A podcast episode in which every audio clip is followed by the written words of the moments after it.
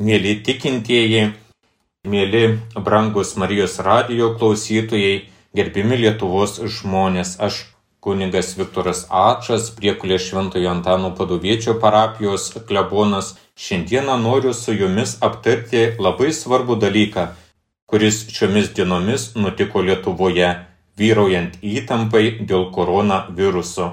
Tiek realiuose pokalbiuose, tiek žiniasklaidoje, tiek socialiniuose tinkluose įvyko didelis susipriešinimas tarp mūsų tautiečių.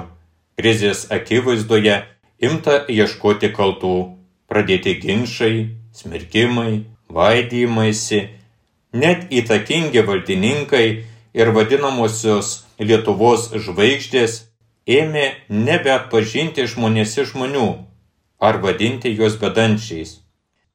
Nemaža dalis tautiečių jei tik turėtų tokią galę, būtų šiandien pasiryžę griežtai atsikeršyti tiems kaltiesiems, kurie neturėjo tiek proto, kad leidosi į svečia šalis parvežti į tėvynę viruso.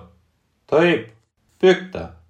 Žinoma, kad nemalonu, kad dalis nesuprato ir galbūt dar šiandien nesupranta to viruso grėsmės. Tačiau to iškart nesuprato ir pačios aukščiausios valstybės galvos, kurios disponuoja pačia naujausia informacija ir savo pašonėje turi sutelkę aukščiausio lygio specialistus. Tačiau, kai žmogus nesupranta, ar yra nepajėgus suprasti, praranda taip pat ir savo žmogišką į orumą. Ar jis kadaise krikšto metu pateptas karališkąją krizmą nustoja savo karališkojo statusu? Ar dėl savo neįsilavinimo, inteligentiškumo stokos, negebėjimo atpažinti tikrus dalykus ir juos objektyviai vertinti, galiausiai dėl materialių resursų stokos, žmogus gali būti vadinamas bedančiu, parazitu, atmata, nežmogumi. Ką apie tai sako Lietuvos Respublikos konstitucija ir Dievo žodis, kuris ypač tikinčiam žmogui turi būti kiekvieno ištarto žodžio, kiekvieno atlikto veiksmo, kiekvieno apmąstymo ir kiekvienos laikysinos pagrindas ir kriterijus. Pradėkime nuo konstitucijos. Štai 21 straipsnis teigia, žmogaus asmuo neliečiamas. Žmogaus orumą gina įstatymas. Draudžiama žmogų kankinti, žaloti, žeminti jo orumą, žiauriai su juo elgtis, taip pat nustatyti tokias bausmes. Su žmogumi be jo žinios ir laisvo sutikimo negali būti atliekami moksliniai ar medicinos bandymai. Taigi net ir netikinti žmogus savo vertinimą apie kitus Lietuvos žmonės pateikdamas Konstitucijos yra įpareigotas tai daryti nežemindamas kito žmogaus orumo ir nesielgdamas su juo žiauriai. Pažvelkime ir į Konstitucijos 16 straipsnį, kuris kelbė, kad valstybės himnas Vinco Kudirkos tautiška giesmė. Neseniai mes lietuviai, nors ir nedideliuose bureliuose susibūrę, šventėme nepriklausomybės atkūrimo dieną, 30-ąjį laisvės gimtadienį. Ir visi iš širdies traukėme tą pačią Vinco Kudirkos tautišką giesmę. 2018 metais rugsėjį popiežius Pranciškos lankydamasis Lietuvoje netiesiogiai paragino mus visus iš naujo pažvelgti ir įsigilinti į tautiškos gesmės žodžius. Ir iš tiesų, ką reiškia šios gesmės žodžiai? Ar mes būdami tokie sąmoningi, kada nors susimastume juos gėdodami? Juose sakoma, kad Lietuva yra mūsų tėvynė, o Lietuvos žmonės yra jos vaikai, pakviesti vaikščioti takais darybės. Taigi jau pati mūsų dvasia žygdarbiams įkvepianti giesmė skelbia, kad mes lietuviai esame vieni kitiems broliai ir seserys. Esame tos pačios šeimos, tos pačios žemės vaikai.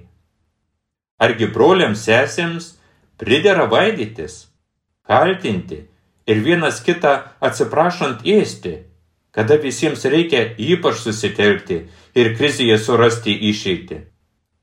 Ar pridėra broliui sakyti, kad esi bedantis, o sesiai, kad esi nežmogus.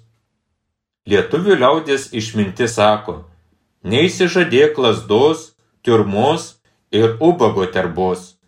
Įsiklausęs į šį išmintingą pasakymą, pabandau akimirkai save įsivaizduoti tarp socialiniuose paribiuose esančių tautiečių, tikrų mano brolių ir seserų, apgėduotų Lietuvos gimne ir išgirsti tuos pasiturinčių ir įsilavinusių tautiečių smerkinčius ir niekinančius žodžius adresuotus mano atžvilgiu.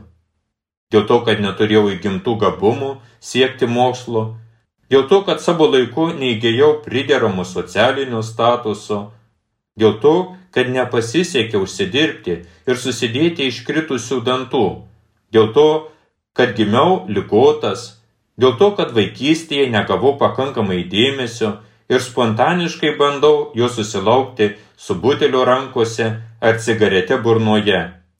Dėl to, kad nepamastęs ir prideramai neįvertinęs situacijos, tiesiog kvailai pasirgiau ir išvykau į užsienį. Dėl to, kad galbūt bankrutavau ar šiaip nepasisekė. Net oda nuėjo pagaugais apie tai pagalvojus. Ir taip sunku, o dar iš brolių seserų taip nuoširdžiai gėdančių Lietuvos himną apie Lietuvos vaikus toks pasmerkimas. O ką apie tai sako Dievo žodis? Bažnyčia moko, kad tikintis krikščionis kiekvieną savo mintį, kiekvieną savo žodį, kiekvieną savo veiksmą ir kiekvieną savo būseną yra įpareigotas apsvarstyti Dievo žodžio šviesoje. Tai yra suderinant su Dievo valia, kurie apreikšta Jėzaus Kristaus žodžiuose, veiksmuose, laikysenoje. Nepaprastai išraiškinga ir iškalbinga Kristaus laikysena nenuvokių žmonių atžvilgių randama jo kančios scenoje ant Kalvarijos kalno. Evangelistas Lukas 23 skyriuje iškalbingai pasakoja apie Jėzaus požiūrį į jį nukryžiavusius asmenis. Galėtume šiandien sakyti į koronaviruso mūsų užkrėtusius tautiečius. Skirelėje nukryžiavimas ir patyčios skaitome. Atėję į vietą, kuri vadinasi kaukulė, Jie prikalė ant kryžiaus Jėzų ir du piktadarius. Vieną jam iš dešinės, antrą iš kairės. Jėzus meldėsi. Tėve, atleisk jiems, nes jie nežino, ką dara. Kareiviai pasidalėjo jo drabužius, mesdami burtą. Žmonės stovėjo ir žiūrėjo. Seniūnai tyčiodamėsi kalbėjo. Kitus išgelbėjo, tegul pats įsigelbė jis, jei jis Dievo išrinktasis mesijas. Iš jo juokėsi ir kareiviai, prieidami paduodami jam perugusio vyno ir sakydami, jei tu žydų karalius, gelbėkis pats. Į šitą sceną įsižiūrėjęs ir įsimastęs šventasis Teponas, pirmasis krikščionės kankinys, lygiai taip pat meldėsi ir aukojusi už jį akmenimis užmėčiusius tautiečius. Jis pirmasis savo gyvybės auka paliudijo ištikimybę Jėzų iš Nazareto ir jo žiniai. Šita scena ir mus moko į nenuvokius žmonės žiūrėti su gailėšiu ir užuojauta, melstis už juos ir aukotis dėl jų, kad per mūsų gražias pastangas Dievas praturtintų juos išminties dovana. Tokių žmonių akivaizdoje esame pakviesti dar labiau dėvėti kaukės. Žinoma, apsaugos, o ne veidmainiavimo. Lautis rankas, laikytis prideramo atstumo, laikytis valdžios žmonių, oficialių medicinos specialistų ir bažnyčios vyresniųjų rekomendacijų. Neklaužadas pagarbiai perspėti, esant pažeidimams pranešti policijai, prašantiems pagalbos padėti, bet jokių būdų nesmerkti, nesityčioti, nežeminti. Nenusakomai gražus šventojo rašto tekstas kalbantis apie Jėzaus laikyseną ir rekomendacijas kritinėse situacijose yra randamas Jono Evangelijoje, kur Jėzus kviečia įsižiūrėti į jį ir visas problemas spręsti ir vertinti, vertinimus pateikti meilės įsakymo perspektyvoje. Evangelijos pagal Joną 15 skyriuje skaitome, kaip mane tėvas mylėjo, taip ir aš jūs mylėjau, pasilikite mano meilėje. Jei laikysitės mano įsakymo, pasiliksite mano meilėje. Kaip aš, kad vykdau savo tėvo įsakymus ir pasilieku jo meilėje. Aš jums tai kalbėjau, kad jumise būtų manasis džiaugsmas ir kad jūsų džiaugsmui nieko netrūktų. Tai mano įsakymas, kad vienas kitą mylėtumėte, kaip aš jūs mylėjau. Nėra didesnės meilės, kaip gyvybę už draugus atiduoti. Jūs busite mano draugai, jei darysite, ką jums įsakau. Jau nebevadinu jūsų tarnais, nes tarnas nežino, ką veikia jo šeimininkas. Jūs aš draugais vadinu, nes jums viską paskelbiau, ką buvau iš savo tėvų girdėjęs. Ne jūs mane įsirinkote, bet aš jūs įsirinkau ir paskyriau, kad eitumėte, duotumėte vaisių ir jūsų vaisiai išliktų kad ko tik prašytumėte tėvo mano vardu, jis visą jums duotų. Aš jums tai įsakau, vienam kitą mylėti. Popiežius Pranciškus pakvietė visus pasaulio krikščionius vidurdienį draugė sukalbėti dar vieną, neišpasakyti gražią šventojo rašto ištrauką, kuri yra tėvė mūsų malda. Ta akimirka ši ištrauka mums tapo malda ir perspektyva kaip susitelkti draugin ir įveikti koronaviruso iššūkį. Kokioje dvasioje ir su kokiu nusiteikimu eiti pasitikti koroną nelaimės ištiktą ir bet kurį kitą žmogų. Šioje maldoje pirmiausia kreipėmės į tėvą. Kažkam Dievas yra akla besmenė jėga, kartais palanki, kartais ne, dažnai nenuspėjama ir kaprizinga. Kažkam Dievas yra anoniminis pokalbininkas, dar kai kam žiaurus teisėjas, absoliutus visų dalykų šeimininkas, o krikščionims jis yra mylintis ir viską suprantantis tėvas, kuris mažiau ar daugiau prasikaltusius savo vaikus būrė vieną gražią, mielą šeimą. Taip maldoje prašyme, kad būtų šventas tėvo vardas. Tuo būdu troškume, kad šioje komplikuotoje mūsų situacijoje įsipildytų Dievo svajonė kad vargšai patirtų teisingumą, kad mūsų širdis būtų išlaisvinta nuo pykčio ir keršto, kad nusidėlis taptų laimingas, kad į šeimas sugrįžtų ramybė. Besimelsdami atpažinome, kad visi mes vaikai esame pakviesti įsipareigoti, kad šis Dievo troškimas įsipildytų. Melsdamiesi drauge prašome, kad ateitų tėvo karalystė. Tai yra svajojame apie pasaulį be galios demonstravimų, be egoistinių interesų, pilna taikos, gėrio ir teisingumo.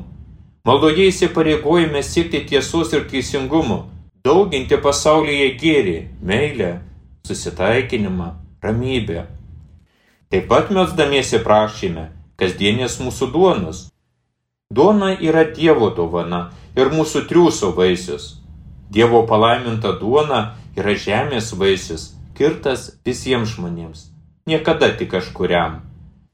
Šioje duonoje niekada nėra išnaudotų vargšo ašarų. Trokškome maldoje būti autentiški, mąstydami apie duoną, kuri pamaitina vargšą, užtikrina socialinį teisingumą, kuris suteikia jėgos korona lygos pakirstam žmogui. Kas be ko prašome tėvo, kad atleistų mums mūsų kaltes, pagal tai, kaip atleidžiam savo kaltininkams. Ir melsdamiesi supratome, kad su pykčiu širdyje galime kalbėti galbūt kokią amžinąjį atilsi maldą, bet ne tėvę mūsų. Kad mes negalime būti Dievo išklausyti, jei nemylime šalia esančiųjų, jei nesusitaikiname su priešais. Galiausiai su popiežiumi ir viso pasaulio krikščionimis prašėme tėvą, kad neleistų mūsų gundyti, Tai yra, kad neleistų apleisti Evangelijos logikos, Jėzaus idėjus ir pasiduoti šio pasaulio logikai, kas yra pražūtis, plaukimas pasroviui, kito žmogaus orumo paminimas. Daugelis iš mūsų skaitėme arba klausėmės pasakojimo apie aklą nuo gimimo, per kurį Jėzus mokė, kad bėdoje nesistengtume ieškoti kaltų, o verčiau skubėti įdėti visas pozityves pastangas spręsti problemas. Iš tiesų, žmogus kaip tas aklas neragys dažnai skendi tamsoje, nežinodamas, kad gali būti kitaip. Nežinodamas, kas yra ta šviesa. Jėzus supranta, kad neregys nesupranta. Tai ima jam ir padeda suprasti. Tiesiog tą neregį pagydo ir viskas. Ir dar, visada atsiminkime, kad Jėzus panaudojo purvą, kad pagydytų neregį. Mes turime suprasti, kad negalime naudoti purvo, kad sumenkintumėm žmogų. Kartais tiek purvo supilame ant kito žmogaus ir visai be reikalo. Vietoj to, kad pakeltume mes tą žmogų, sutrypėme, suniekiname. Tikrai tai nekrikščioniška ir neevangeliška. Galiausiai gavinios kontekste norisi prisiminti ir dar vieną stulbinančiai pamokančią Evangelijos pagal matą ištrauką, kuri vėl kviečia pametus kritiškumą ir smerkimą, pozityviais būdais siekti susivienyti gerume. 25 skyriuje skaitome, kai ateis žmogaus sūnus savo šlovėje ir kartu su jie visi angelai, tada jis atsisės savo garbės sostę. Jo akivaizdoje bus surinkti visų tautų žmonės ir jis perskris juos kaip jėmu atskirai avis nuo žių, avis jis pastatys dešinėje, ožius kairėje ir tars karalių stovintiem dešinėje. Ateikite mano tėvo palaimintieji, paveldėkite nuo pasaulio sukūrimo jums paruoštą karalystę, nes aš buvau išalkęs ir jūs mane pavalgytinote. Buvau ištroškęs ir mane pagirdėte. Buvau keleivis ir mane priglaudėte, buvau nuogas, mane aprengėte, ligonis, mane aplankėte, kalinys atėjote pas mane. Ši ištrauka kalba apie palaimintą žmogų, kuris pozityviais būdais per geruosius darbelius ieško galimybių surasti vienas kitą, susitelkti ir spręsti mūsų tautos iššūkius, nukreipiant turimus resursus vienas kito labui tarnystės, patarnavimo, aukojimusi perspektyvoje. Aš tik bandau pagalvoti apie mūsų kalėjimuose kalinčius žmonės, kurie taip kaip ir šiomis dienomis grįžusieji iš svečių kraštų dažnai susilaukia mūsų pasmerkimų. Bet jei jie susivienytų ir surašytų peticiją gavėnėje pasninkaujantiems krikščionims ir pareikalautų, kad Jėzaus paliepimu juos aplankytumėme. Kiek mes būtume tvirti žengti šį žingsnį. Šios metus Lietuvos Respublikos Seimas paskelbė ateitininkų metais, švenčiant 110-ąjį ateitininkų gimtadienį. Ši katalikiška organizacija ugdo jaunas tėvynę mylinčių žmonių širdis ir protus Lietuvoje bei svečiuose šalyse. Ateitininkų šūkis - visą atnaujinti Kristuje. Šį šūkį ateitininkai pasiskolino iš šventojo popiežiaus Pijos X, kuris šį šūkį pasirinko būtent savo pontifikato šūkiu - Omnija instaurare in Kristu. Popiežius ragino krikščionis į atsinaujinimą - religinį, dorinį, socialinį. Pilnas popiežiaus šūkis yra - visą atnaujinti Kristuje, tarnaujant Dievui ir tėviniai. Kiekvienas iš mūsų, jei ir nesame ateitininkai, esame nuolat kviečiami atsinaujinti, atsiversti ir atnaujinti tai, kas yra aplink mus. Ir tai esame pakviesti daryti, pradedant ne nuo įsakinėjimų, dominavimų, smerkimų, nesveikos kritikos liejimo, bet nuo Kristaus, kuris atėjo ne kad jam tarnautų, bet pats tarnauti ir savo gyvybės atiduoti kaip išpirkos už daugelį. Užbaigiant pamastymą, norisi cituoti su Lietuvos viskupais šventąjį Joną Paulių II, kurio šimtasis gimimo metinės šiemet švenčiame. Jis apsilankė Lietuvoje 1993 metais, Lietuvai, kad tik atgavus nepriklausomybę. Išvykdamas iš mūsų tėvynės, popiežius Lietuvos ateitį pavedė Marijai, linkėdamas, kad šios kilnė dvasės tautos vaikai siekdami moralinės ir medžiaginės pažangos, Dievo žodyje surastų šviesą ir paramą, deramai gerbtų kiekvieno žmogaus orumą, išlaikytų taiką visuomenėje ir dvasios ramybę.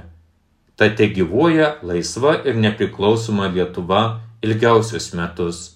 Tegu tavo tėvynė vaikai susidėgymu dirba ne savo naudai, bet tavo labui ir tavo vaikų, tai yra brolių sesių gerybei. Nuoširdžiai dėkoju Marijos radijui už suteiktą galimybę kalbėti apie bendrystę ir susitelkimą.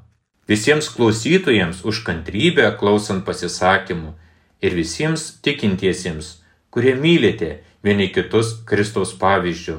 Švenčiausiai mergelė Marija, Lietuvos globėja, užtarkė Lietuvos ir viso pasaulio žmonės, ypač kurie kenčia nuo korona lygos. Amen.